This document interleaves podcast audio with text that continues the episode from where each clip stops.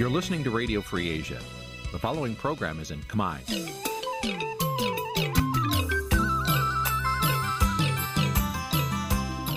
នេះជាកម្មវិធីផ្សាយ Vuthu Azizi Serai នេះជាកម្មវិធីផ្សាយរបស់ Vuthu Azizi Serai ជាភាសាខ្មែរ Vuthu Azizi Serai សូមស្វាគមន៍លោកអ្នកនាងទាំងអស់ពីរដ្ឋធានី Washington នៃសហរដ្ឋអាមេរិក បាទខ្ញុំបាទថាថៃសូមជម្រាបសួរលោកអ្នកស្ដាប់ទាំងអស់ពីទីក្រុងមែលប៊នប្រទេសអូស្ត្រាលីបាទបាទខ្ញុំបាទសូមជូនកម្មវិធីផ្សាយសម្រាប់យប់ថ្ងៃពុធ14កើតខែស្រាបឆ្នាំថោះបញ្ញស័កពុទ្ធសករាជ2567ត្រូវនឹងថ្ងៃទី30ខែសីហាគ្រិស្តសករាជ2023បាទជាដំបូងនេះសូមអញ្ជើញលោកអ្នកនាងស្ដាប់មេតិការប្រចាំថ្ងៃដែលមានមេតិការដូចតទៅបាទ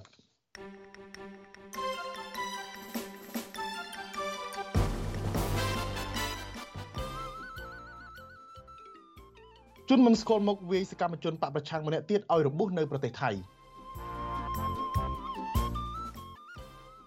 សមាជិកសភាអូស្ត្រាលីទាមទារឲ្យរដ្ឋាភិបាលអូស្ត្រាលីដាក់ទណ្ឌកម្មលើកម្ពុជា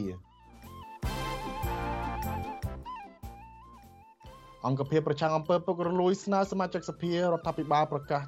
ទ្រព្យសម្បត្តិនិងបំណុល ប្រវត្តិលោកវង្សសីវិសុទ្ធដែលធ្លាប់លើកឡើងថាកម្ពុជាអាចរស់បានដោយគ្មាន GSP និង EBA រួមនឹងព័ត៌មានសំខាន់សំខាន់មួយចំនួនទៀត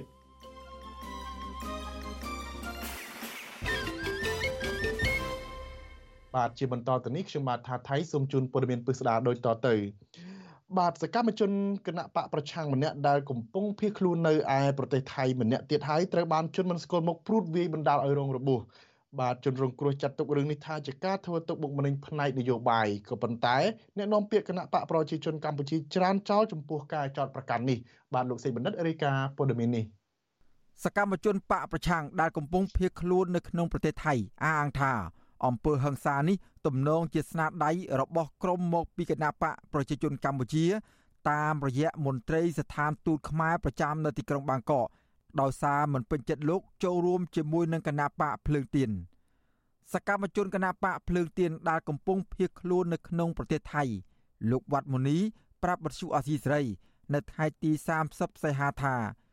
ជនមិនស្គាល់មុខមានគ្នាប្រមាណ4នាក់ជិះឡានពណ៌សមួយគ្រឿង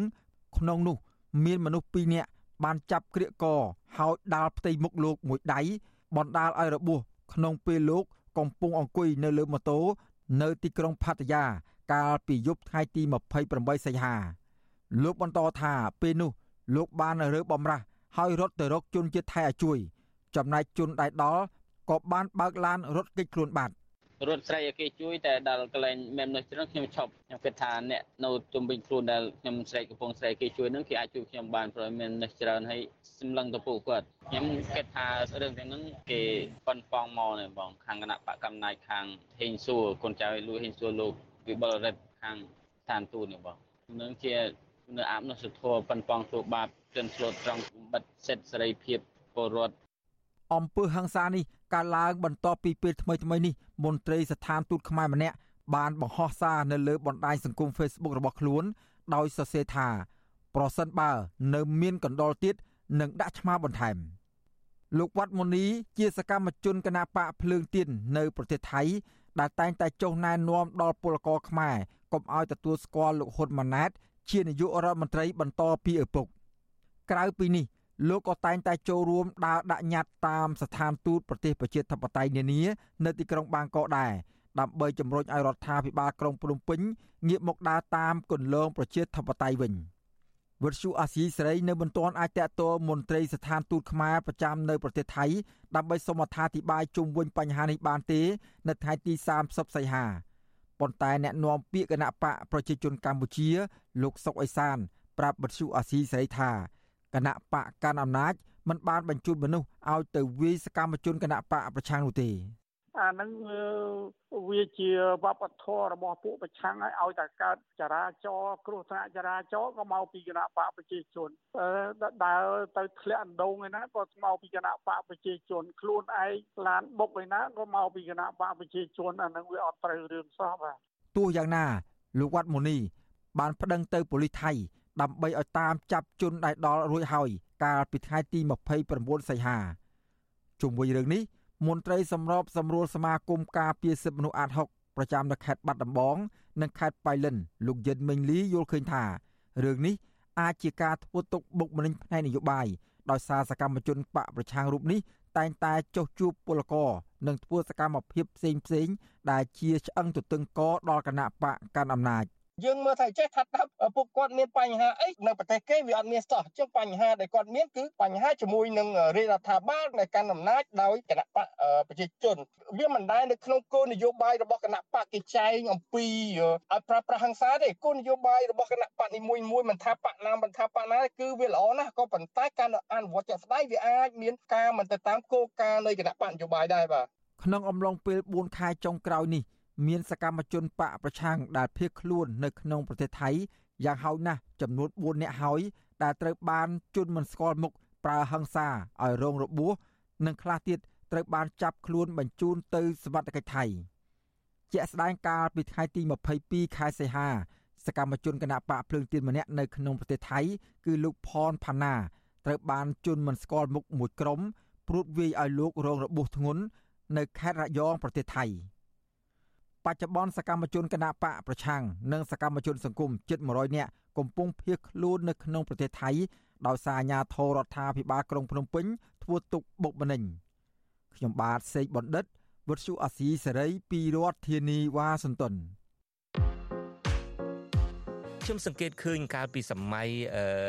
គេហៅ Black Lives Matter ណា Black Lives Matter បាទ Black Lives Matter ហ្នឹងនៅពេលហ្នឹងនៅពេលដែលមានប៉ូលីសនៅទីក្រុងមួយនោះ ទៅសកាត់កជនជាតិស្បែកខ្មៅឈ្មោះ George Floyd ហ៎ George Floyd ហើយទីបំផុតទៅសកាត់ករហូតដល់ម្នាក់នឹងឯងស្លាប់បាត់បង់ជីវិតទៅ នៅពេលហ្នឹងអាសក ចលនា Black Lives Matter ជីវិតរបស់ជនជាតិស្បែកខ្មៅក៏មានតម្លៃដែរមានតម្លៃដែរណាពាក្យពាក្យថា Black Lives Matter ហ្នឹងគឺគេចាប់ផ្ដើមធ្វើបាតុកម្មដើម្បីប្រឆាំងនឹងអាញាធរដែលមានឯកសន្តានហើយដែលមកជិះជាន់គៀបសង្កត់ជនទុនខ្សោយជាពិសេសបើគ្រាន់តែគាត់ទៅចោទថាគេបន្លំលុយ20ដុល្លារអញ្ចឹងមិនអាចសកត់កគេរហូតដល់តែស្លាប់បាត់បង់ជីវិតទេខ្ញុំសង្កេតឃើញអ្នកភូមិខ្ញុំ គេដាក់ផ្លាកគេដាក់បើគេមិនបានចេញទៅទេក៏គេដាក់ផ្លាកនៅមុខផ្ទះគេអ្នកខ្លះគេបដើកូនគេដែលអត់ទាំងដឹងក្តីប្រហែលផងអាយុ5ឬ6ឆ្នាំហើយកាន់ផ្លាកមួយអត់ចាំបាច់ទ្រង់ទ្រាយធំទេឃើញគាត់ដើរតាមចាមខ្នល់ចឹងទៅហើយគាត់លើកផ្លាកពីអ្នកកូនគាត់ចឹងមក Black Lives Matter ជីវិតជនជាតិស្បែកខ្មៅក៏មានតម្លៃដែរដូច្នេះការបង្រៀនកូនឲ្យយល់ដឹងឲ្យយល់ដឹងអំពីបញ្ហាសង្គមឲ្យคลายទៅជាពលរដ្ឋសកម្មនឹងគឺតាំងពីប៉ុណ្្នឹងមក គាត់ដើរតាមចាមខ្នល់ទៅចំណាយពេល1ម៉ោងឬ2ម៉ោងអីចឹងទៅដើម្បីឲ្យកូនយល់ថាអ្នកឯងត្រូវតែចេះងើបតតាំងនឹងការគៀបសង្កត់របស់អ្នកដែលមានអំណាចហើយបំពេញអំណាចរបស់ខ្លួនហើយខ្ញុំឃើញបែបហ្នឹងរំភើបណាស់បាទបាទខ្មែរយើងនឹងឪពុកម្ដាយនឹងគួរចាប់ផ្ដើមចេះអញ្ចឹងឡើង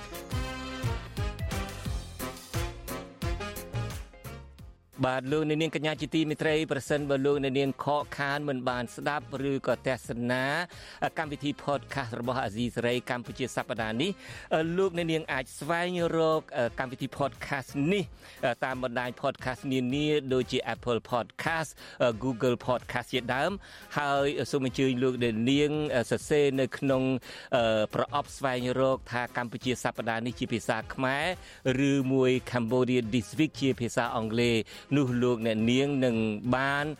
ឃើញនៅកម្មវិធីរបស់យើងហើយលោកអ្នកនាងអាចស្ដាប់ឡើងវិញបានបាទសូមអរគុណ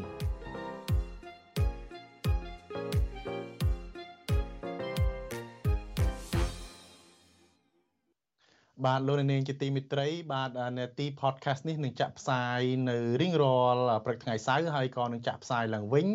នៅរៀងរាល់យប់ថ្ងៃច័ន្ទនៅក្នុងកម្មវិធីផ្សាយហើយលោកនាងក៏អាចតាមដានការផ្សាយស្ដាប់ទេសនានាទី podcast នេះនៅលើបណ្ដាញ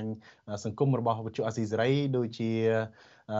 Facebook និង Telegram YouTube អីជាដើមបាទហើយនៅសប្តាហ៍នេះគឺថានឹងមានអ្វីពិសេសប្លែកថែមទៀតនៅក្នុងការជជែកពិភាក្សារវាងលោកជុនច័ន្ទបុតនិងលោកសំពូលីពាក់ព័ន្ធទៅនឹងការលើកការណែនាំមួយចំនួន ថាតើពុកម្ដាយកម្ពុជានឹងគូតែមានការផ្លាស់ប្ដូរផ្នត់គំនិតបែបណាទៅលើការអប់រំកូនចៅរបស់ខ្លួនឲ្យ ចូលរួមកិច្ចការងារសង្គមនោះបាទបាទឥឡូវនេះយើងមកមើលតកតងទៅនឹងប្រតិកម្មរបស់អង្គការសង្គមស៊ីវិលពាក់ព័ន្ធទៅនឹងរឿងគ្រប់សិទ្ធិមនុស្សវិញម្ដងបាទអង្គការសង្គមស៊ីវិលនិងអ្នកច្បាប់ស្នើឲ្យរដ្ឋាភិបាលកម្ពុជាគ្រប់សិទ្ធិមនុស្សនិងបើកលំហសេរីភាពមូលដ្ឋានឲ្យបានទូលាយឲ្យដូចទៅនឹងការអះអាងរបស់រដ្ឋមន្ត្រីក្រសួងការបរទេសប្រាប់ទៅទូតជប៉ុនថាកម្ពុជាមានសន្តិភាពនិងស្ថិរភាពគ្រប់វិស័យបាទលោកយ៉ងច័ន្ទរារាយការណ៍ព័ត៌មាននេះ អង្គការសង្គមស៊ីវិលនិងអ្នកសិក្សាផ្នែកច្បាប់លើកឡើងថារដ្ឋាភិបាលគួរតែងាកមកដោះស្រាយបញ្ហាប្រឈមធំធំនៅក្នុងសង្គមនិងយកគំរូតាមប្រទេសជប៉ុន ជាជាងការនិយាយដោះសារប្រាប់ទៅបរទេសអ្នកសិក្សាផ្នែកច្បាប់លោកវ៉ាន់ចាន់ឡូតយល់ឃើញថាវាជាសញ្ញាវិជ្ជមានមួយដែលភាគីប្រទេសជប៉ុន លើកយកបញ្ហាសិទ្ធិមនុស្សមកជជែកនៅក្នុងជំនួបជាមួយកម្ពុជាលោកសង្កេតឃើញថាជប៉ុនគឺជាប្រទេសមួយដែលជាក្របពូជប្រជាធិបតេយ្យនៅអាស៊ី ស្របពេលប្រទេសនេះជាប់ចំណាត់ថ្នាក់ជាប្រទេសមានសន្តិភាព ការគោរពសិទ្ធិមនុស្សនិងមានសេដ្ឋកិច្ចរីកចម្រើនផងដែរ។ វាសំខាន់ណាស់ដែលប្រទេសកម្ពុជាត្រូវមើលទៅលើគម្រូភាពនេះពីព្រោះការអភិវឌ្ឍទាំងផ្នែកសេដ្ឋកិច្ចទាំងគុណភាពនៃការរស់នៅរបស់ប្រជាជនជប៉ុនក៏ដូចជាជប៉ុនមានសេដ្ឋកិច្ចរីកចម្រើន គឺវាអាស្រ័យចម្បងបំផុតនោះគឺជប៉ុនជាប្រទេសដែលគោរពឲ្យតម្លៃទៅដល់សិទ្ធិមនុស្សទៅដល់ប្រជាធិបតេយ្យហើយនឹងទៅដល់នៅតលយៈភាពនៃអំណាចការលើកឡើងបែបនេះ គឺក្រោយមានជំនួបរវាងអនុរដ្ឋលេខាធិការក្រសួងការបរទេសកម្ពុជា លោកអានសុខឿននិងលោកណៅហ្វូមីហាស៊ីម៉ូតូឯកអគ្គរដ្ឋទូតទទួលបន្ទុកសិទ្ធិមនុស្សស្ថិរភាព និងសន្តិភាពអន្តរជាតិនៃក្រសួងការបរទេសជប៉ុន កាលពីថ្ងៃទី29ខែសីហាឆ្នាំ2023ក្រោមប្រធានបទសិទ្ធិមនុស្សលើកទី12នៅក្នុងកិច្ចសន្ទនានោះកម្ពុជានិងជប៉ុនបានពិភាក្សាស៊ីជម្រៅទៅលើប្រធានបទសិទ្ធិមនុស្ស ការផ្លាស់ប្តូរទស្សនៈទៅលើការបោះឆ្នោតសេរីភាពជាមូលដ្ឋានកំណែតម្រង់ប្រព័ន្ធតុលាការកម្មវិធីជំនួយផ្នែកច្បាប់ និងការការពារសិទ្ធិនៃក្រុមងាយរងគ្រោះជាការឆ្លើយតបលោកអានសុខឿនបានលើកឡើងថាក្រោយសង្គ្រាមកម្ពុជាបានក្លាយជាប្រទេសដែលមានសន្តិភាពស្ថិរភាពកំណើនសេដ្ឋកិច្ចរឹងមាំនិងការអភិវឌ្ឍសង្គមជាដើមដោយឡែកនៅក្នុងសេចក្តីប្រកាសព័ត៌មានវិញ ក្រសួងការបរទេសមិនបានបញ្ជាក់ពីការលើកឡើងរបស់ឯកអគ្គរដ្ឋទូតទទួលបន្ទុកសិទ្ធិមនុស្សនៃក្រសួងការបរទេសជប៉ុននោះឡើយវិទ្យុអាស៊ីសេរីមិនអាចតាក់ទងលោកអានសុខឿនដើម្បីសុំការបកស្រាយបន្ថែម អំពីកិច្ចសន្ទនានេះបានទេ នៅថ្ងៃទី30ខែសីហាទោះជាយ៉ាងណា អង្គការសង្គមស៊ីវិលយល់ឃើញថាកិច្ចសន្ទនាស្តីពីសិទ្ធិមនុស្សរវាងកម្ពុជានិងជប៉ុនទំនងដោយសារតែស្ថានភាពនៃការគោរពសិទ្ធិមនុស្សនៅកម្ពុជាហាក់មានការធ្លាក់ចុះ នៅក្នុងរយៈកាលចុងក្រោយនេះបណ្ដាលមកពីការធ្វើទុកបុកម្នេញទៅលើសកម្មជនគណៈបកប្រឆាំងសកម្មជនដីធ្លីនិងការបិទប្រព័ន្ធផ្សព្វផ្សាយឯករាជ្យជាដើមប្រធានអង្គការសម្ព័ន្ធភាពការពារសិទ្ធិមនុស្សកម្ពុជាហៅកាត់ថាច្រាក់លោករស់សុថាមានប្រសាសន៍ថារដ្ឋាភិបាលកម្ពុជាគួរតែទទួលយកយោបល់កែលម្អពីប្រទេសប្រជាធិបតេយ្យដើម្បីលើកស្ទួយការគោរពសិទ្ធិមនុស្សជាជាងការប្រើប្រាស់ភាសាការទូតដើម្បីដោះសារ លោកសង្កេតឃើញថាបញ្ហាសិទ្ធិមនុស្សដែលរដ្ឋាភិបាលអាណត្តិថ្មីគួរតែដោះស្រាយជាអាទិភាព មានដូចជា បញ្ហាសិទ្ធិនយោបាយសេរីភាពបញ្ចេញមតិសេរីភាពសារព័ត៌មានសិទ្ធិការងារនិងប្រព័ន្ធយុតិធធម៌សង្គមជាដើម។ ជប៉ុនគេដឹងពីស្ថានភាពនៅស្រុកខ្មែរច្បាស់ហើយបញ្ហាសិទ្ធិនយោបាយពួកគេចាស់ទុំនឹងនយោបាយយូរហើយគេតាមដានតាំងពីសិទ្ធិមនុស្សគេតាមដានពីប្រព័ន្ធតឡាការយល់ល្អយើងទទួលស្គាល់នៅការខ្វះខាតរបស់យើងទៅហើយយើងធ្វើការកែលម្អទៅវាមិនតាន់ហួសពេលទេណាហើយបើសិនជាប្រមុខរដ្ឋាភិបាលគាត់ដឹកនាំកែតម្រង់បានអានឹងជាកិត្តិយសរបស់គាត់ហើយរបាយការណ៍ស្ដីពីសន្ទុះនីតិរដ្ឋប្រចាំឆ្នាំ2022របស់អង្គការគម្រោងយុតិធធម៌ពិភពលោកបានបង្ហាញថាកម្ពុជា ជាប់ចំណាត់ថ្នាក់នីតិរដ្ឋនៅបាតតារាង គឺនៅលេខរៀងទី139នៅក្នុងចំណោមប្រទេស140ប្រទេសគឺគ្រាន់បើតែជាងប្រទេសវេណេស៊ុយអេឡាមួយប៉ុណ្ណោះអង្គការសង្គមស៊ីវិលស្នើដល់រដ្ឋាភិបាលឲ្យធ្វើការកែលម្អសិទ្ធិមនុស្សឡើងវិញតាមរយៈកិច្ចសហការជាមួយអង្គការជាតិនិងអន្តរជាតិនិងបណ្ដាប្រទេសលោកសេរីខ្ញុំយ៉ងច័ន្ទដារាវិទ្យុអាស៊ីសេរី Washington បាទយើងងាកមកមើលប្រតិកម្មរបស់សមាជិកសភាអូស្ត្រាលីទាក់ទងនឹងស្ថានភាពនយោបាយនៅក្នុងប្រទេសកម្ពុជាយើងវិញម្ដងបាទសមាជិកសភាអូស្ត្រាលីពីររូប បានបន្តរិះគន់រដ្ឋាភិបាលរបស់លោកហ៊ុនម៉ាណែតដែលចេញដែលកើតចេញពីការបោះឆ្នោតមិនត្រឹមត្រូវនិងទាមទារឲ្យរដ្ឋាភិបាលអូស្ត្រាលីដាក់ទណ្ឌកម្មដូចជាការបិទទឹកតការឬវីសាចូលប្រទេសអូស្ត្រាលីនិងបង្កក់ទ្រព្យសម្បត្តិអ្នកវិភាគនយោបាយយល់ថាការបន្តនៅយុទ្ធនាការរិះគន់ពីការបោះឆ្នោតនៅកម្ពុជានេះនឹងអាចមានឥទ្ធិពលទៅលើរដ្ឋាភិបាលកម្ពុជាសមាជិកសភាអូស្ត្រាលីពីររូបមកពីគណៈបកពលករបានឡើងថ្លែងការណ៍ជាថ្មីទៀតនៅក្នុងរដ្ឋសភាវីកតូរីយ៉ា ពាក់ព័ន្ធនឹងការបោះឆ្នោតគ្មានសេរីនិងយុត្តិធម៌នៅកម្ពុជាដែលប្រសូតបាននៅរដ្ឋាភិបាលខ្វះភាពស្របច្បាប់មួយដែលដឹកនាំដោយលោកហ៊ុនម៉ាណែតសមាជិកសភាអូស្ត្រាលីដើមកំណត់ខ្មែរលោកតាក់មិញហៀងលើកឡើងនៅក្នុងរដ្ឋសភានៅថ្ងៃទី30សីហាថាលោកក្រោកឈរនៅថ្ងៃនេះដើម្បីថ្កោលទោសការបោះឆ្នោតคล้ายៗនៅកម្ពុជាដែលបានធ្វើឡើងកាលពីថ្ងៃទី23ខែកក្កដាហើយនឹងការផ្ទេរអំណាចពីលោកហ៊ុនសែនទៅកូនប្រុសរបស់គាត់គឺលោកហ៊ុនម៉ាណែតលោកបញ្ជាក់ថាការបោះឆ្នោតคล้ายៗនេះ ដោយសារគណៈបកប្រឆាំងធំជាងគេហើយជាគណៈបកប្រឆាំងតែមួយគត់ដែលមានសក្តានុពលនិងលទ្ធភាពប្រកួតជាមួយនឹងគណៈបកប្រជាជនកម្ពុជាត្រូវបានហាមឃាត់ពីការចូលរួមបោះឆ្នោតលោកបន្ថែមថាអាក្រក់ប៉ុណ្ណឹងហើយមិនគ្រប់គ្រាន់ទេការបោះឆ្នោតត្រូវបានបំផ្លាញដោយការចាប់ខ្លួននិងការផ្ដន់ទាទោសមេបកប្រឆាំងលោកកឹមសុខា27ឆ្នាំរួមទាំងអំពើហិង្សាទៅលើសមាជិកគណៈបកប្រឆាំងនិងអ្នកគាំទ្រអង្គការសង្គមស៊ីវិលនិងសហជីពមុនឈានដល់ការបោះឆ្នោត ការដែលអះអាងថាកម្ពុជាដើរតាមលទ្ធិប្រជាធិបតេយ្យនោះគឺជារឿងមួយគួរឲ្យអស់សំណើចណាស់ប្រទេសនេះបានសន្យាយ៉ាងច្រើនក្រោមកិច្ចព្រមព្រៀងសន្តិភាពទីក្រុងប៉ារីសឆ្នាំ1991ដែលមានដូចជាអនុវត្តនៅលទ្ធិប្រជាធិបតេយ្យសេរីភូប៉ាការបោះឆ្នោតដោយសេរីនិងយុត្តិធម៌និងការគោរពសិទ្ធិមនុស្សសម្រាប់ទាំងអស់គ្នា ការសន្យាខាងលើនេះគ្រាន់តែជាក្តីសុបិនមួយតែប៉ុណ្ណោះ សម្រាប់ប្រជាជនខ្មែរជាច្រើនរូបសហគមន៍ខ្មែរនៅរដ្ឋ Victoria នឹងនៅតែបន្តសម្ដែងមតិនិងឈរនៅជាមួយជនរងគ្រោះហើយក៏នឹងបន្តទៀមទានៅអ្វីដែលបានសន្យាតាមកិច្ចព្រមព្រៀងសន្តិភាពក្រុងប៉ារីនេះហើយយើងក៏នឹងបន្តជំរុញឲ្យរដ្ឋាភិបាលអូស្ត្រាលីធ្វើដូចគ្នាដែរគឺទៀមទាឲ្យមានការដាក់ឈ្មោះក្នុងបញ្ជីខ្មៅ ហាមប្រាមវីសាចូលនិងបង្កកទ្រព្យសម្បត្តិរបស់មន្ត្រីកម្ពុជា នៅក្នុងប្រទេសអូស្ត្រាលីសមាជិកសភាអូស្ត្រាលីម្នាក់ទៀតគឺលោក Tim Richardson ក៏បានថ្លែងក្នុងរដ្ឋសភាកាលពីថ្ងៃទី29សីហាដែរលោកថាប្រជាធិបតេយ្យនៅកម្ពុជាស្ថិតក្រោមរបបគ្រប់គ្រងដោយលោកហ៊ុនសែននិងរដ្ឋាភិបាលកម្ពុជាបច្ចុប្បន្នត្រូវបានសម្លាប់លោកប្រកាសថ្កោលទោសការបោះឆ្នោតคล้ายៗនៅកម្ពុជានិងចាត់ទុកថាអ្វីដែលគេបានឃើញនៅក្នុងអំឡុងពេលនៃការបោះឆ្នោតនោះ គឺជារឿងគួរឲ្យស្អប់ខ្ពើម និងបំផ្លាញទឹកចិត្តប្រជាជនកម្ពុជា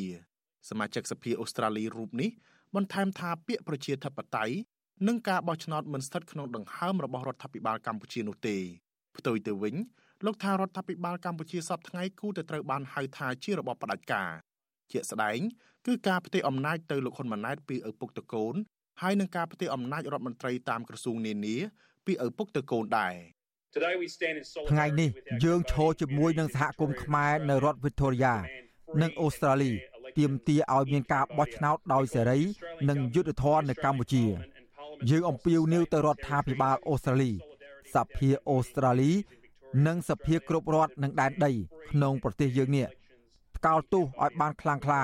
ចំពោះការបោះឆ្នោតដ៏អាម៉ាស់និងคล้ายៗនៅកម្ពុជា មកទល់ពេលនេះនាយករដ្ឋមន្ត្រីអូស្ត្រាលីនៅមិនទាន់ចេញលិខិតអបអរសាទរនិងទទួលស្គាល់រដ្ឋាភិបាលរបស់លោកហ៊ុនម៉ាណែតនៅឡើយទេជុំវិញរឿងនេះវិទ្យុអាស៊ីសេរីមិនអាចសុំការឆ្លើយតបពីប្រធានអង្គភិបអ្នកណែនាំពាក្យរដ្ឋាភិបាលកម្ពុជាលោកប៉ែនបូណាបានទេដោយអ្នកទទួលទូរស័ព្ទប្រាប់ថាលោកកំពុងជាប់រវល់ប្រជុំអ្នកជំនាញផ្នែកវិទ្យាសាស្ត្រនយោបាយនិងកិច្ចការអន្តរជាតិលោកអែមសវណ្ណារាយល់ឃើញថាការបន្តលើកឡើងរបស់សមាជិកសភាអូស្ត្រាលីនេះ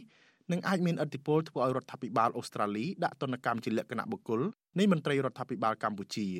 ជាពិសេសលោកថាការរិះគន់នេះនឹងធ្វើឲ្យរដ្ឋាភិបាលកម្ពុជាទទួលរងនៅភាពអាម៉ាស់អាចមានឥទ្ធិពលពាក់ព័ន្ធនឹងការលើកឡើងអំពីការដាក់សនកម្មទៅលើលក្ខណៈបុគ្គលប៉ុន្តែបើអាចជាបានលក្ខណៈប្រទេសហ្នឹងគួរគុំដាក់អាហ្នឹងបន្ទូថ្នាក់ខ្ញុំគួរពាក់ព័ន្ធនឹងប្រជាពលរដ្ឋច្រើនណាបើមិនបើបុគ្គលធ្វើឲ្យខូចពាក់ព័ន្ធដំណើរការជាតបតែលទ្ធិជាតបតែនៅកម្ពុជាសិទ្ធិមនុស្សអីហ្នឹង មានយន្តការទៅលើអិសរាជជនយោបាយដែលធ្វើខូចទៅទីពីតតែខ្ញុំថាជាចំណុចល្អដែលដាក់ទឿនពួកគាត់កុំឲ្យគាត់ញៀននឹងការប្រព្រឹត្តនៅការខុសឆ្គងគោលការណ៍ច្បាប់របស់អន្តរជកម្ពុជាដែលឲ្យសច្ចាប័នហ្នឹងណា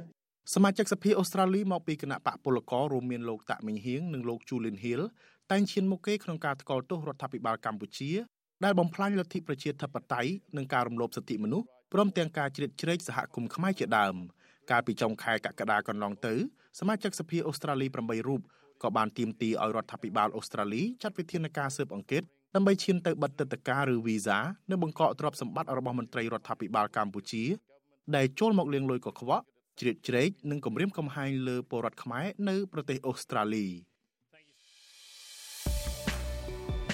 កម្មវិធី Vithu Azizi ស្រីសម្រាប់ទូរស័ព្ទដៃអាចឲ្យលោកអ្នកនាង អានអត្ថបទទស្សនាវីដេអូនិងស្ដាប់ការផ្សាយផ្ទាល់ដោយឥតគិតថ្លៃនិងដោយគ្មានការរំខានដើម្បីអាននិងទស្សនាមេតិការថ្មីថ្មីពី Vithu Azizi សេរីលោកអ្នកនាងគ្រាន់តែចុចបាល់កម្មវិធីរបស់ Vithu Azizi សេរីដែលបានដំឡើងរួចរាល់លើទូរស័ព្ទដៃរបស់លោកអ្នកនាងប្រសិនបើលោកអ្នកនាងចង់ស្ដាប់ការផ្សាយផ្ទាល់ ឬការផ្សាយចាស់ចាស់សូមចុចលើប៊ូតុងរូប Vithu ដែលស្ថិតនៅផ្នែកខាងក្រោមនៃកម្មវិធីជាការស្រេច។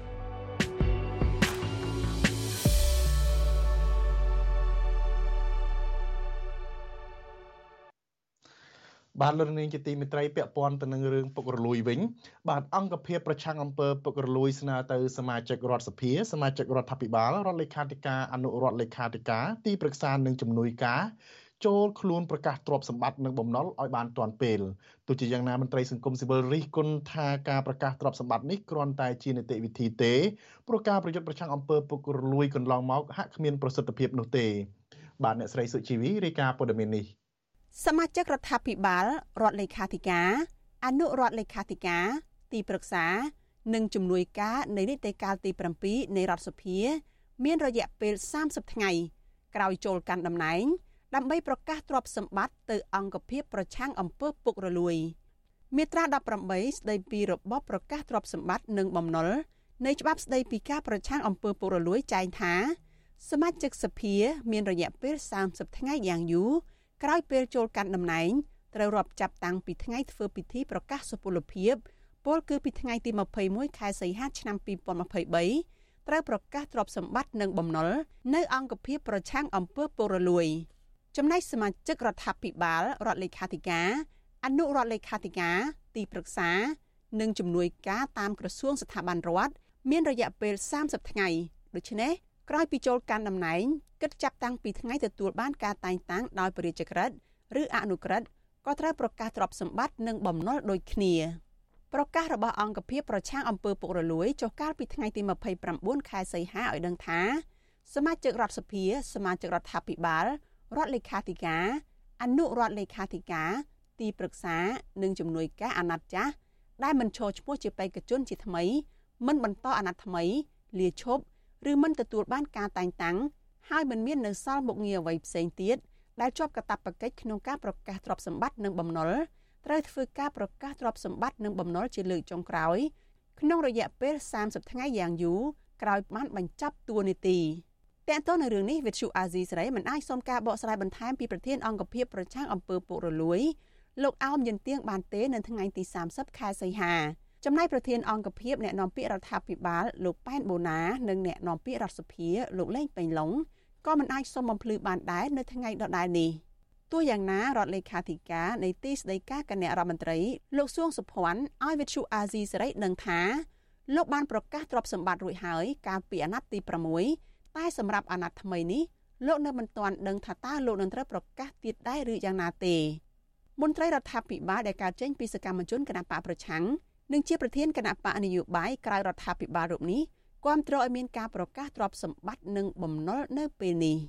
ការបង្កើតអង្គភាពឆាងពើពុកលួយឬក៏ការប្រកាសទ្រព្យសម្បត្តិនេះវានិយាយទៅវាល្អតែអ្វីដែលសំខាន់សង្ឃឹមថាការអនុវត្តរបស់អង្គភាពឆាងពើពុកលួយឬក៏ការអនុវត្តរបស់មន្ត្រីគ្រប់រូបនឹងគឺប្រកាន់ភ្ជាប់នៅភាពស្អាតស្អំពីព្រោះដើម្បីឲ្យប្រទេសកម្ពុជាយើងកាន់តែល្អមាត្រា17នៃច្បាប់ប្រឆាំងអំពើពុករលួយចែងថាមន្ត្រីរាជការស៊ីវិលតាមក្រសួងស្ថាប័នរដ្ឋចាប់ពីប្រធាននាយកដ្ឋានយោធានគរបាលចាប់ពីស័ក5 មន្ត្រីតុលាការនិងអ្នកដែលត្រូវបានតែងតាំងពីការបោះឆ្នោតរួមមានសមាជិកព្រឹទ្ធសភារដ្ឋសភារដ្ឋាភិបាលនិងក្រុមប្រឹក្សាខេត្តក្រុមប្រឹក្សាក្រុងក្រុមប្រឹក្សាឃុំសង្កាត់ត្រូវជាប់កាតព្វកិច្ចប្រកាសទ្រព្យសម្បត្តិនិងបំណុលរៀងរាល់2ឆ្នាំម្ដង នៅក្នុងខែមករាហើយមិនអោយហួសថ្ងៃទី31ខែមករាឡើយតាមច្បាប់ប្រឆាំងអំពើពុករលួយ ការប្រកាសទ្រព្យសម្បត្តិនិងបំណុលនេះធ្វើឡើងដោយសម្ងាត់បិទនៅក្នុងស្រោមសម្បត្តិ ចំណែកលុយនៅក្នុងធនាគារមិនតម្រូវឲ្យប្រកាសទេ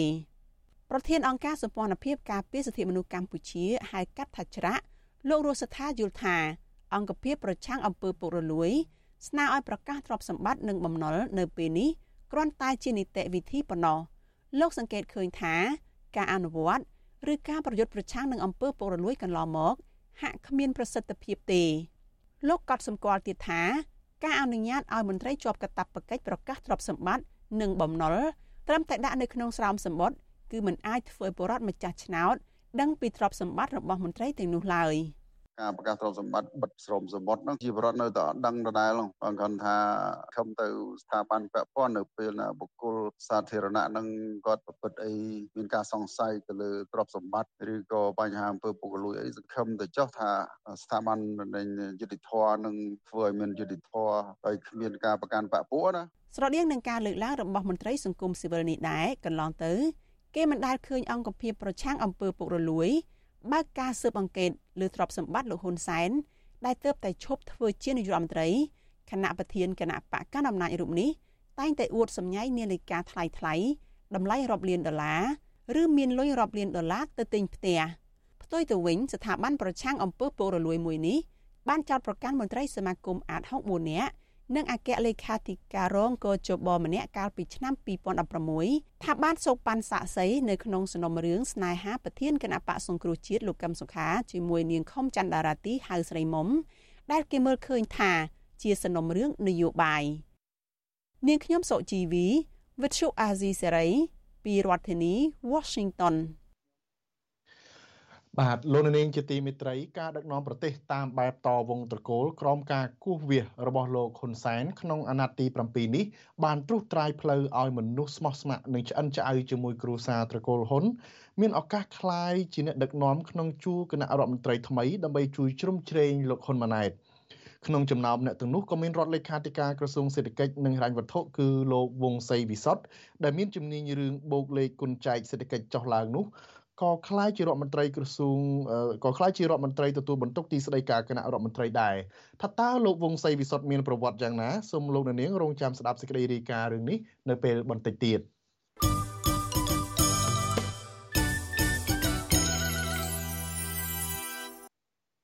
បាទយើងនៅមិនទាន់តណាឆ្ងាយពីរឿងនយោបាយនោះទេ បាទអ្នកវិភាគនយោបាយអះអាងថាសាររបស់លោកហ៊ុនសែនរំលឹកឲ្យកូនប្រុសរបស់ខ្លួន គឺលោកហ៊ុនម៉ាណែត អំពីគោលការណ៍រក្សាចាស់បង្កើតថ្មីនិងផ្ដល់ផលចំណេញដល់គណៈបកប្រជាជនកម្ពុជាក៏ប៉ុន្តែធ្វើឲ្យការចំណាយថវិកាជាតិនឹងកាន់តែខ្ជិះខ្ជាយថែមទៀតបាទអ្នកស្រីម៉ៅសុធានីរាយការណ៍ព័ត៌មាននេះអ្នកវិភាគនយោបាយលើកឡើងថាគោលការណ៍រក្សាចាស់បង្កើតថ្មី ដែលលោកហ៊ុនសែនរំលឹកកូនប្រុសច្បងគឺជាការធ្វើនយោបាយទុច្ចរិតនិងមិនមានគុណធម៌ដែលនាំមកនៅភាពរីកចម្រើន ដល់ប្រជាប្រដ្ឋទូទៅនោះឡើយ។ អ្នកវិភាគនយោបាយលោកកឹមសុខយកឃើញថាមូលហេតុដែលលោកហ៊ុនសែនផ្ញើសាររំលឹកលោកហ៊ុនម៉ាណែតឲ្យចេះរក្សាអ្នកចាស់គឺដោយសារតែនាយករដ្ឋមន្ត្រីថ្មីមិនទាន់មានអធិបុលក្នុងការដឹកនាំរដ្ឋាភិបាលនោះឡើយលោកបន្ថែមថាសារដាស់តឿនរបស់លោកហ៊ុនសែននេះក៏ទំនងជាសញ្ញាស្អំចិត្តសមាជិកគណៈបកប្រជាជនកម្ពុជាចាស់វក្សា ដែលមិនពេញចិត្តទៅនឹងការដឹកនាំរបស់លោកហ៊ុនម៉ាណែតផងដែរ កាលណារក្សាអ្នកចាស់ដាក់អ្នកថ្មីបង្កើនចំនួនមនុស្សរាប់ពាន់នាក់បែបនេះវាជាប្រភពនៃបពុនិយមការរំលោភអំណាចអំពើពុករលួយកាន់តែជ្រៅអយុត្តិធម៌កាន់តែធំឡើងដូច្នេះវាគឺជាការកែឲ្យកាន់តែគំរក់កក្រិចស្អុយអត់បានការប្រតិកម្មរបស់អ្នកវិភាគនយោបាយបែបនេះ ធ្វើឡើងនៅបន្ទាប់ពីប្រធានគណៈបកប្រជាជនកម្ពុជាលោកហ៊ុនសែនបានផ្សព្វផ្សាយវីដេអូឃ្លីបដែលមានរយៈពេលប្រមាណ6នាទី រំលឹកទៅដល់កូនប្រុសច្បងអំពីគោលការណ៍រក្សាចាស់បង្កើតថ្មី នៅថ្ងៃទី30ខែសីហាការប្រកួតមួយ ដែលយកឈ្នះទីចុងបំផុតត្រូវបានតតចោលដល់ទៅអាណត្តិក្រោយតើហ៊ុនសែននឹងប្រើនរណាទៀតតើនេះជាយុទ្ធសាស្ត្រឈ្នះសមរភូមិឬជាយុទ្ធសាស្ត្រ ឈ្នះសង្គ្រាមខ្ញុំមិនត្រូវការឈ្នះត្រឹមតែមកសមរភូមិទេខ្ញុំត្រូវឈ្នះសង្គ្រាមជារៀងរហូតតាមរយៈនៃបញ្ជាការម្នាក់នេះរក្សាកម្លាំងចាស់និងបង្កើនកម្លាំងថ្មីជុំវិញរឿងនេះដែរប្រធានប្រតិបត្តិគណៈបកភ្លើងទៀនខេត្តបៃលិន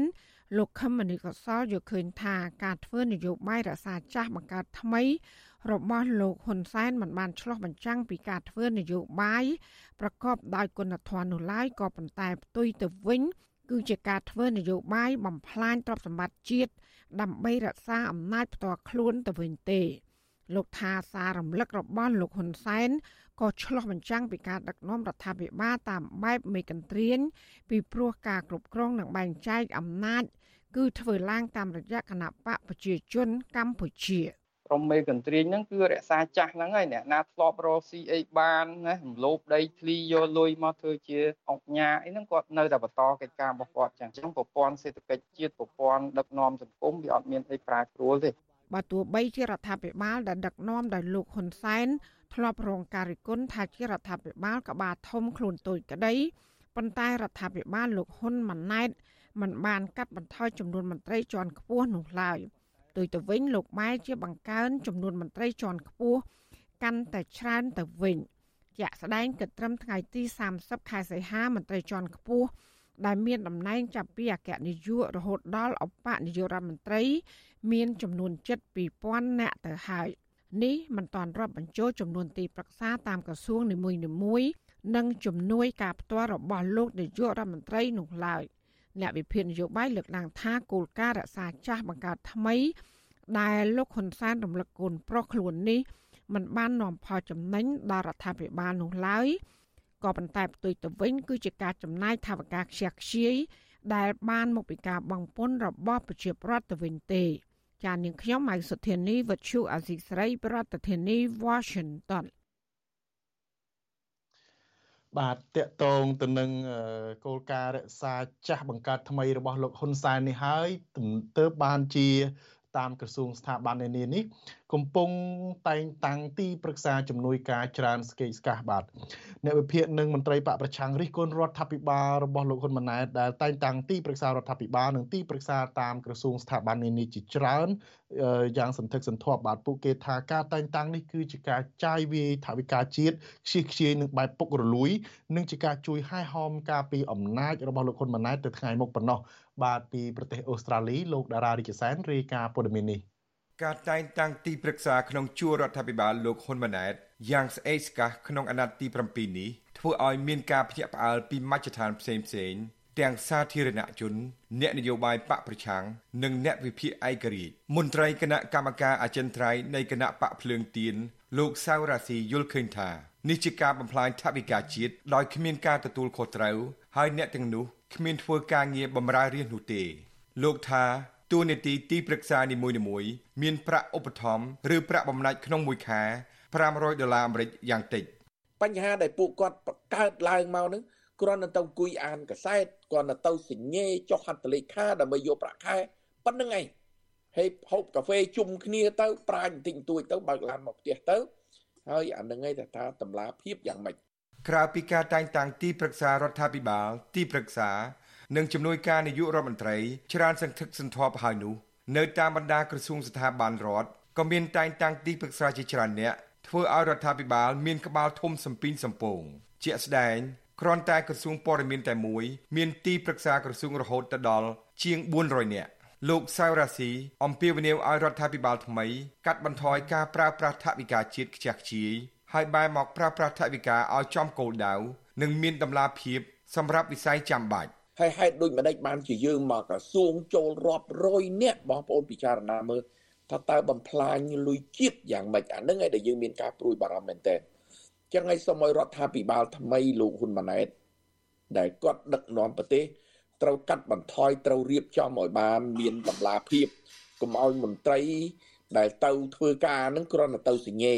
អ្នកសិក្សាស្រាវជ្រាវផ្នែកអភិវឌ្ឍសង្គមនិងវិភាគឯករាជ្យលោកបណ្ឌិតសេនសេរី លើកឡើងថាការរៀបចំគណៈរដ្ឋមន្ត្រី និងទីប្រឹក្សាក្នុងជួររដ្ឋាភិបាលលោកហ៊ុនម៉ាណែត គឺជាការរៀបចំដែលមានលោកហ៊ុនសែននៅពីក្រោយដូច្នេះវាមិនខុសប្លែកពីអាណត្តិមុនមុនទេ លោកបន្តថានេះបង្ហាញឲ្យឃើញថា លោកហ៊ុនម៉ាណែតមិនមានសមត្ថភាពដឹកនាំប្រទេសទើបបង្កើតទីប្រឹក្សាយ៉ាងសម្បើមបែបនេះសម្រាប់ខ្ញុំខ្ញុំមើលឃើញថាតម្រង់នៅក្នុងការដឹកនាំរបៀបនេះ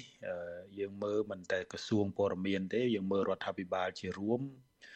យើងឃើញថា លោកហ៊ុនម៉ាណែតហាក់ដូចជាគ្រាន់តែជានាយករដ្ឋមន្ត្រីតំណាងឪពុករបស់ខ្លួនទេក៏ប៉ុន្តែ អ្វីដែលសំខាន់សំខាន់គោលគំនិតមេគំនិតពីខាងក្រោយហ្នឹងគឺនៅតែជាលោកនាយករដ្ឋមន្ត្រីហ៊ុនសែនហើយតម្រង់នៅក្នុងការដឹកនាំតម្រង់នៅក្នុងការបង្កើតគណៈរដ្ឋមន្ត្រីថ្មីគឺជាតម្រង់ចាស់ទាំងអស់ជុំវិញការតែងតាំងទីប្រឹក្សាក្នុងក្រសួងព័ត៌មាន និងទីប្រឹក្សាក្នុងជួររដ្ឋាភិបាលលោកហ៊ុនម៉ាណែតនេះវិទ្យុអាស៊ីសេរី មិនអាចសុំការឆ្លើយបំភ្លឺពីរដ្ឋមន្ត្រីក្រសួងព័ត៌មានលោកណេតភក្ត្រានិងប្រធានអង្គភិបអ្នកណែនាំពាក្យរដ្ឋាភិបាល លោកប៉ែនបូណា បានទេនៅថ្ងៃ30សីហា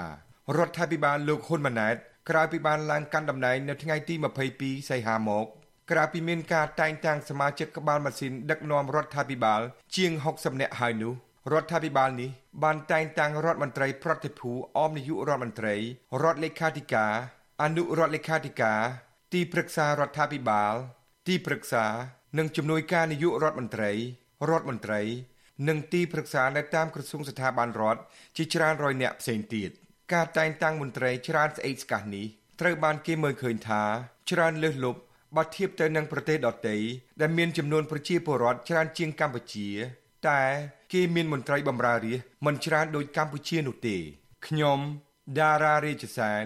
with you Azizi Saray ទីក្រុង Adelaide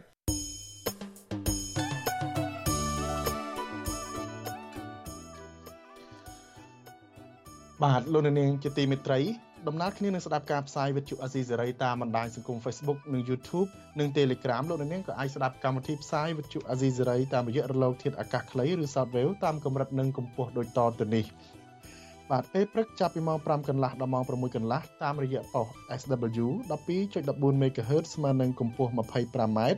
និងប៉ុស SW 13.71 MHz ស្មើនឹងកម្ពស់ 22m ពេលយប់ចាប់ពីម៉ោង7កន្លះដល់ម៉ោង8កន្លះតាមរយៈប៉ុស SW 9.33 MHz ស្មើនឹងកម្ពស់ 32m ប៉ុស SW 11.88 MHz ស្មើនឹងកម្ពស់ 25m និងប៉ុស SW 12.14 MHz ស្មើនឹងកម្ពស់ 25m បាទលោកនាងជាទីមេត្រីតកតងទៅនឹងការជ្រើសរើសមន្ត្រីជំនាញកសិកម្មវិញម្ដង គឺ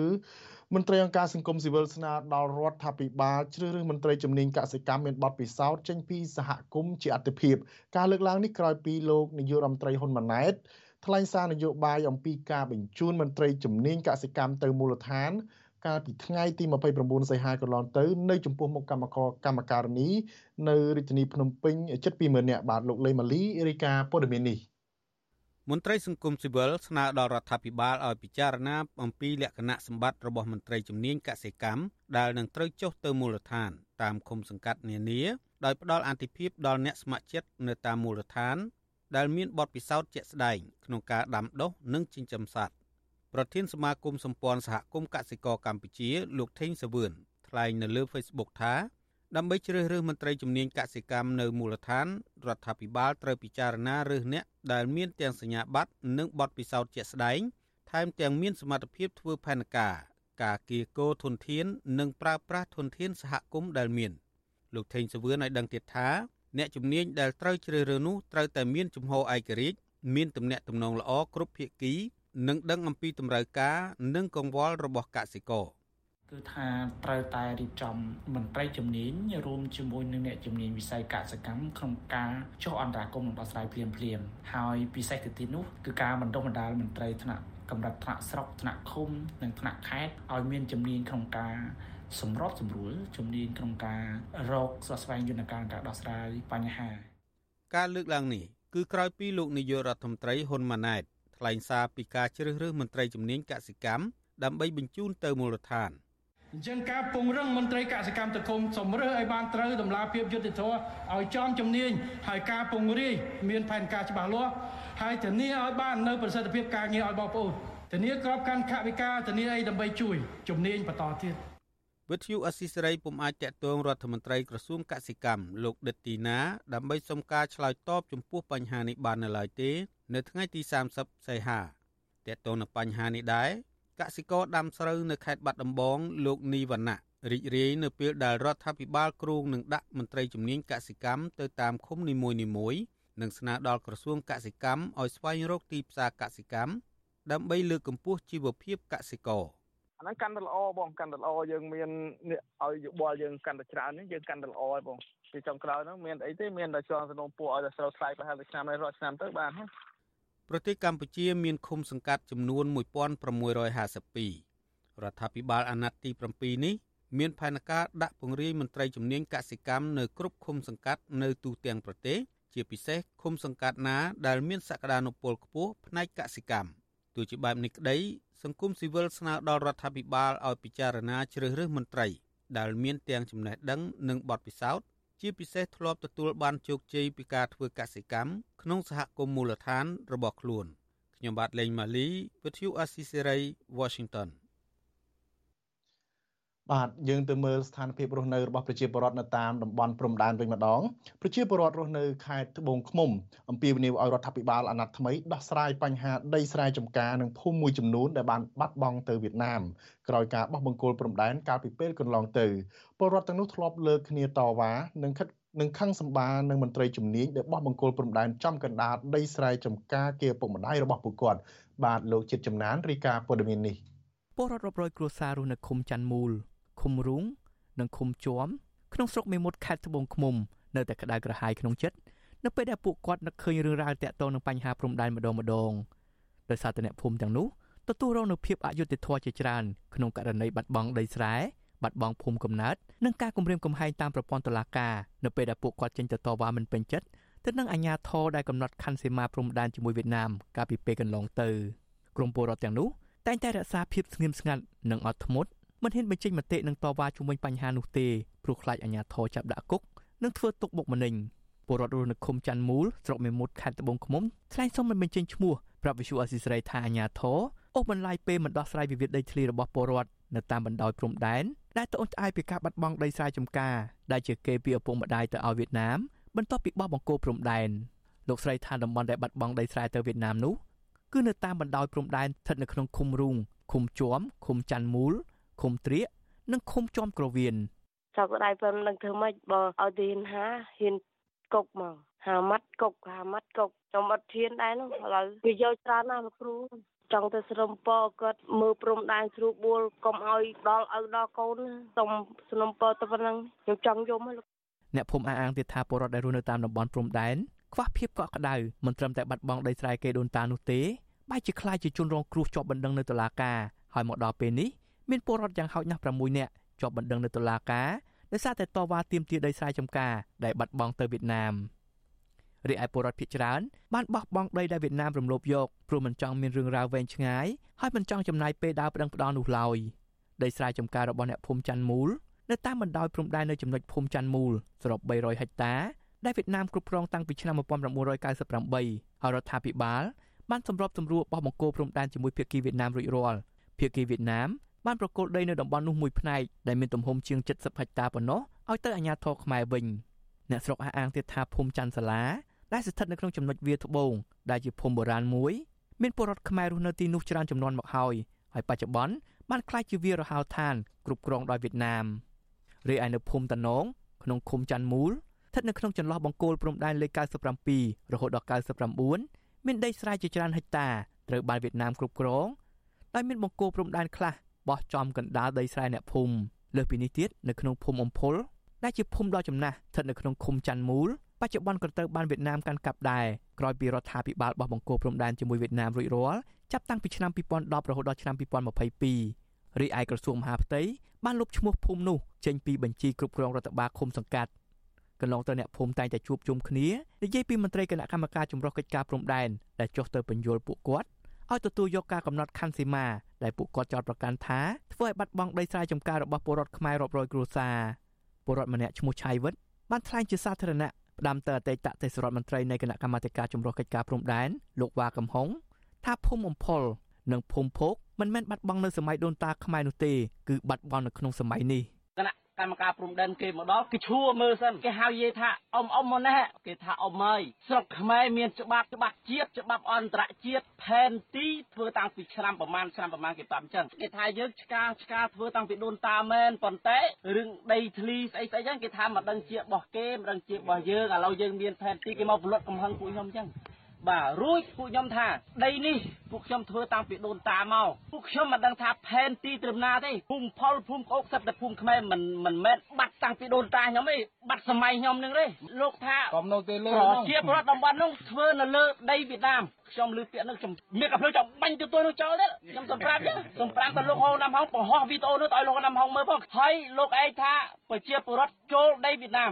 វិសុវអសិសរីមិនអាចតាក់ទងសុំការបកស្រាយបន្ថែមរឿងនេះ ពីរដ្ឋមន្ត្រីទទួលបន្ទុករដ្ឋលេខាធិការកិច្ចការព្រំដែនលោកឡាំជាបាននៅឡើយទេនៅថ្ងៃទី30ខែសីហាដោយទូរស័ព្ទហៅចូលតែគ្មានអ្នកលើកកាលពីខែកក្កដាកន្លងទៅគណៈកម្មាធិការចម្រុះកិច្ចការព្រំដែននៃទីស្តីការគណៈរដ្ឋមន្ត្រីបានចេញសេចក្តីប្រកាសព័ត៌មានមួយបង្ហាញថា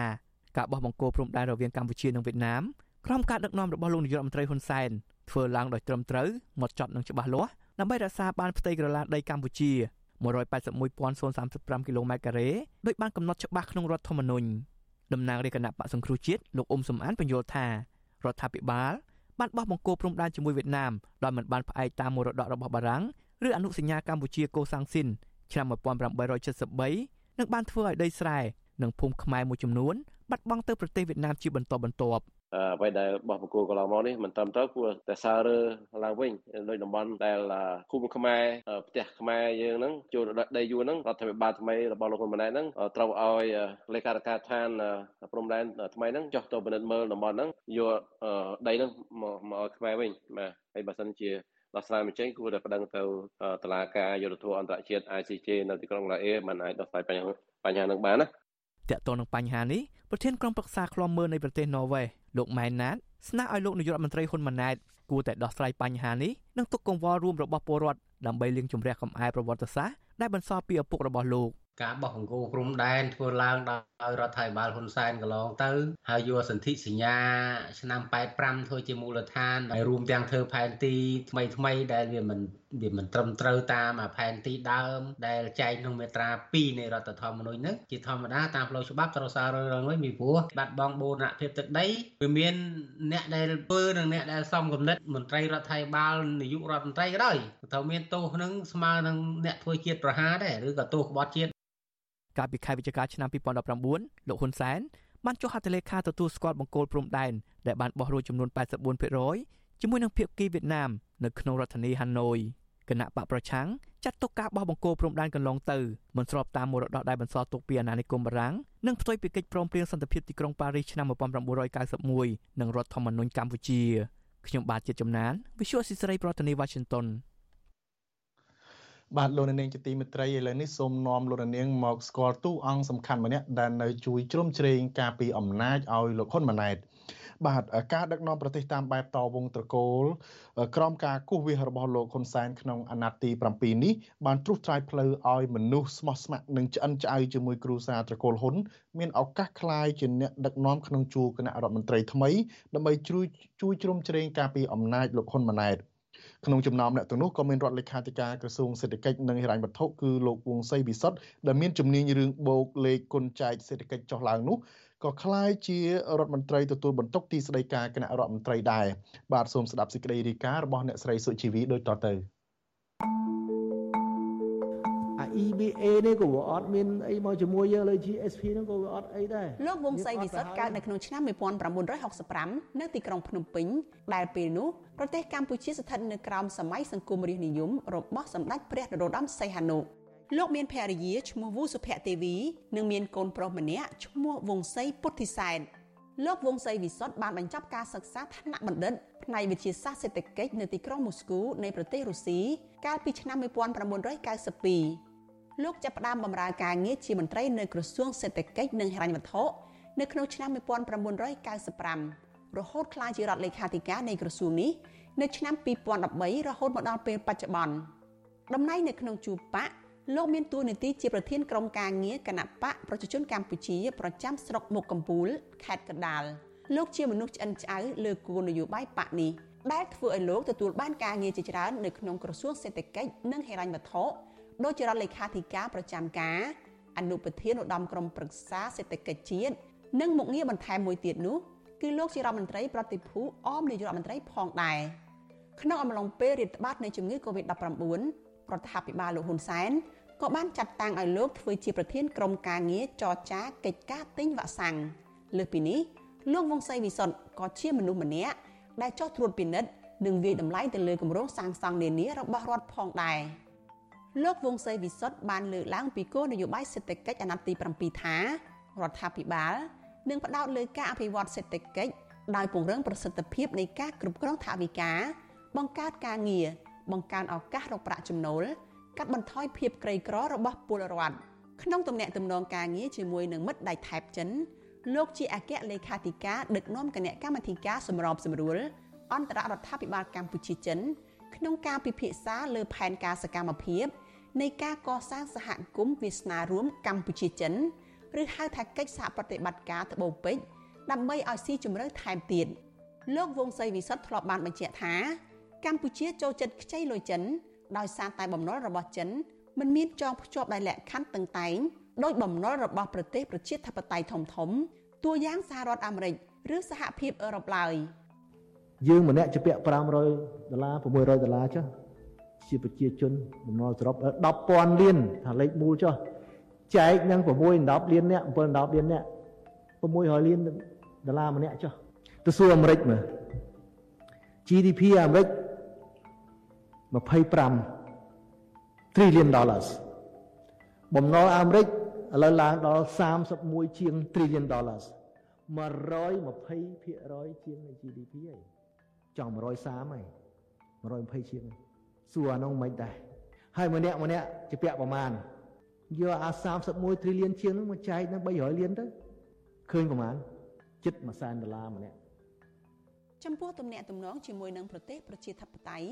ដែលចង់ជួយកម្ពុជាឲ្យរីកចម្រើនទាំងផ្នែកសេដ្ឋកិច្ចស្របគ្នាជាមួយនឹងការរីកចម្រើននៅផ្នែកសិទ្ធិសេរីភាពវិញនោះលោកវង្សសីវិសុទ្ធតែងតែប្រើវោហារសាស្ត្រវាយបកទៅវិញដោយបន្តតាមចវាយនេះរបស់លោកពេញពេញមាត់ បាទរឿង GSP អត់3ឆ្នាំហើយក្មួយអត់ទៀតក៏អត់អីដែរវាលែងអីវាធ្លាប់អស់ហើយស៊ាំហើយណាអញ្ចឹងទេបាទអត់អីអត់ប៉ុណ្្នឹងហើយមើលយើងនាំចេញមើលនៅតែឡើងអញ្ចឹងណាអត់ GSP ហ្នឹងអា EBA នេះក៏វាអត់មានអីមកជាមួយយើងលើ GSP ហ្នឹងក៏វាអត់អីដែរយើងអត់ទៅហើយហ្នឹងលើមើលមានស្លាប់ទៅណាមិនតែមិនស្លាប់ទេ resilient ទៅទៀត ហ្នឹងហើយត្រូវយកចំហអញ្ចឹងហើយថ្ងៃក្រោយសម្ដេចដាក់ជួយចង្អុលមិនបាច់ពឹងអាណាទាំងអស់រឿងអនុគ្រោះមិនត្រូវការទេត្រូវការតែស្មារតីស្មារភាពបានណាវិទ្យុអាស៊ីសេរីនៅមិនទាន់អាចតាក់ទងលោកវង្សសីវិសុទ្ធដើម្បីសាកសួរជុំវិញរឿងនេះបានទេទោះជាយ៉ាងណាវិទ្យុអាស៊ីសេរីបានចេញរបាយការណ៍នៃការរកឃើញបុគ្គលកម្ពុជា មានលុយមានអំណាចមួយចំនួន កំពុងគ្រប់គ្រងទ្រព្យសម្បត្តិនៅសង្ហបុរី ដែលមានតម្លៃសរុបរហូតដល់ទៅជាង230លានដុល្លារកាលពីឆ្នាំ2022របាយការណ៍ស៊ើបអង្កេតនោះលាតត្រដាងថាប្រពន្ធនិងកូនរបស់លោកវង្សសីវិសុទ្ធមានទ្រព្យសម្បត្តិនៅក្រុមហ៊ុន SF Group ដែលគ្រប់គ្រងអាជីវកម្មភោជនីយដ្ឋានអន្តរជាតិកូនប្រុសរបស់លោកឈ្មោះវង្សសីពុទ្ធិសែតបានកាន់កាប់ភាគហ៊ុននៅក្នុងក្រុមហ៊ុននេះចំនួន0.17%ស្របពេលដែលប្រពន្ធរបស់លោកឈ្មោះវូសុភ័ក្រទេវី បានកាន់កាប់ភាគហ៊ុននៅក្នុងក្រុមហ៊ុននេះដែរគឺចំនួន0.1%នាងខ្ញុំសុជីវីវិទ្យុអាស៊ីសេរីពីរដ្ឋធានី Washington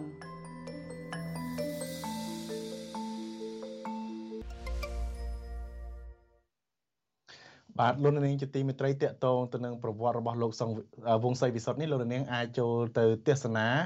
និងអានសេចក្តីរាយការណ៍នេះលំអិតអំពីប្រវត្តិរបស់លោក នៅក្នុង គេហទំព័ររបស់វិទ្យុអាស៊ីសេរីហើយនឹងទស្សនាវីដេអូនៅលើគេហទំព័រនោះជាមួយគ្នារួមទាំងនៅលើបណ្ដាញសង្គម Facebook របស់វិទ្យុអាស៊ីសេរីផងដែរបាទហើយក្រៅពីនេះទេយើងក៏បានធ្វើសេចក្តីរាយការណ៍លំអិតផ្សេងផ្សេងទៀតពាក់ព័ន្ធទៅនឹងប្រវត្តិរបស់បុគ្គលដែលមានឥទ្ធិពលមួយចំនួននៅក្នុងរដ្ឋបាលដឹកនាំរបស់លោកហ៊ុនម៉ាណែតនេះបាទហើយលោកនាងអាចចូលទៅអានលំអិតពីប្រវត្តិពុស្ដាររបស់បុគ្គលនីមួយៗនោះលោកនាងមិនត្រឹមតែស្គាល់អំពីប្រវត្តិបុគ្គល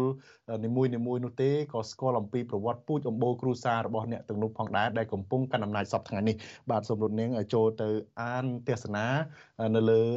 គេហទំព័ររបស់វិទ្យុអាស៊ីសេរីក៏ដូចជាបណ្ដាញសង្គមរបស់វិទ្យុអាស៊ីសេរីដូចជា Facebook YouTube និង Telegram ជាដើមបាទបាទលោកនាងជាទីមេត្រីតកតងទៅនឹងរឿងកសិករវិញ កសិករចិញ្ចឹមជ្រូកវិញគឺកសិករនៅខេត្តកណ្ដាលជាច្រើនបានសម្រេចឈប់ចិញ្ចឹមជ្រូកដោយសារតម្លៃធ្លាក់ចុះធ្វើឲ្យពួកគេមិនអាចទប់ទល់នឹងថ្លៃចំណាយប្រចាំខែបានខណៈចំណីជ្រូកវិញឡើងថ្លៃខ្ពស់បាទអ្នកជំនាញយល់ឃើញថាបញ្ហានេះបានកើតឡើងនៅទូទាំងប្រទេសដោយមានការ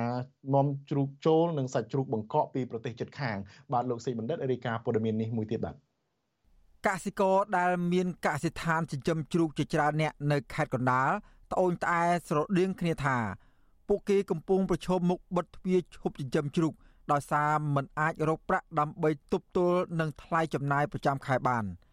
រីឯអ្នកខ្លះទៀតពុំអាចរកប្រាក់ចំណូលបាន ដើម្បីសងបំណុលធនាគារ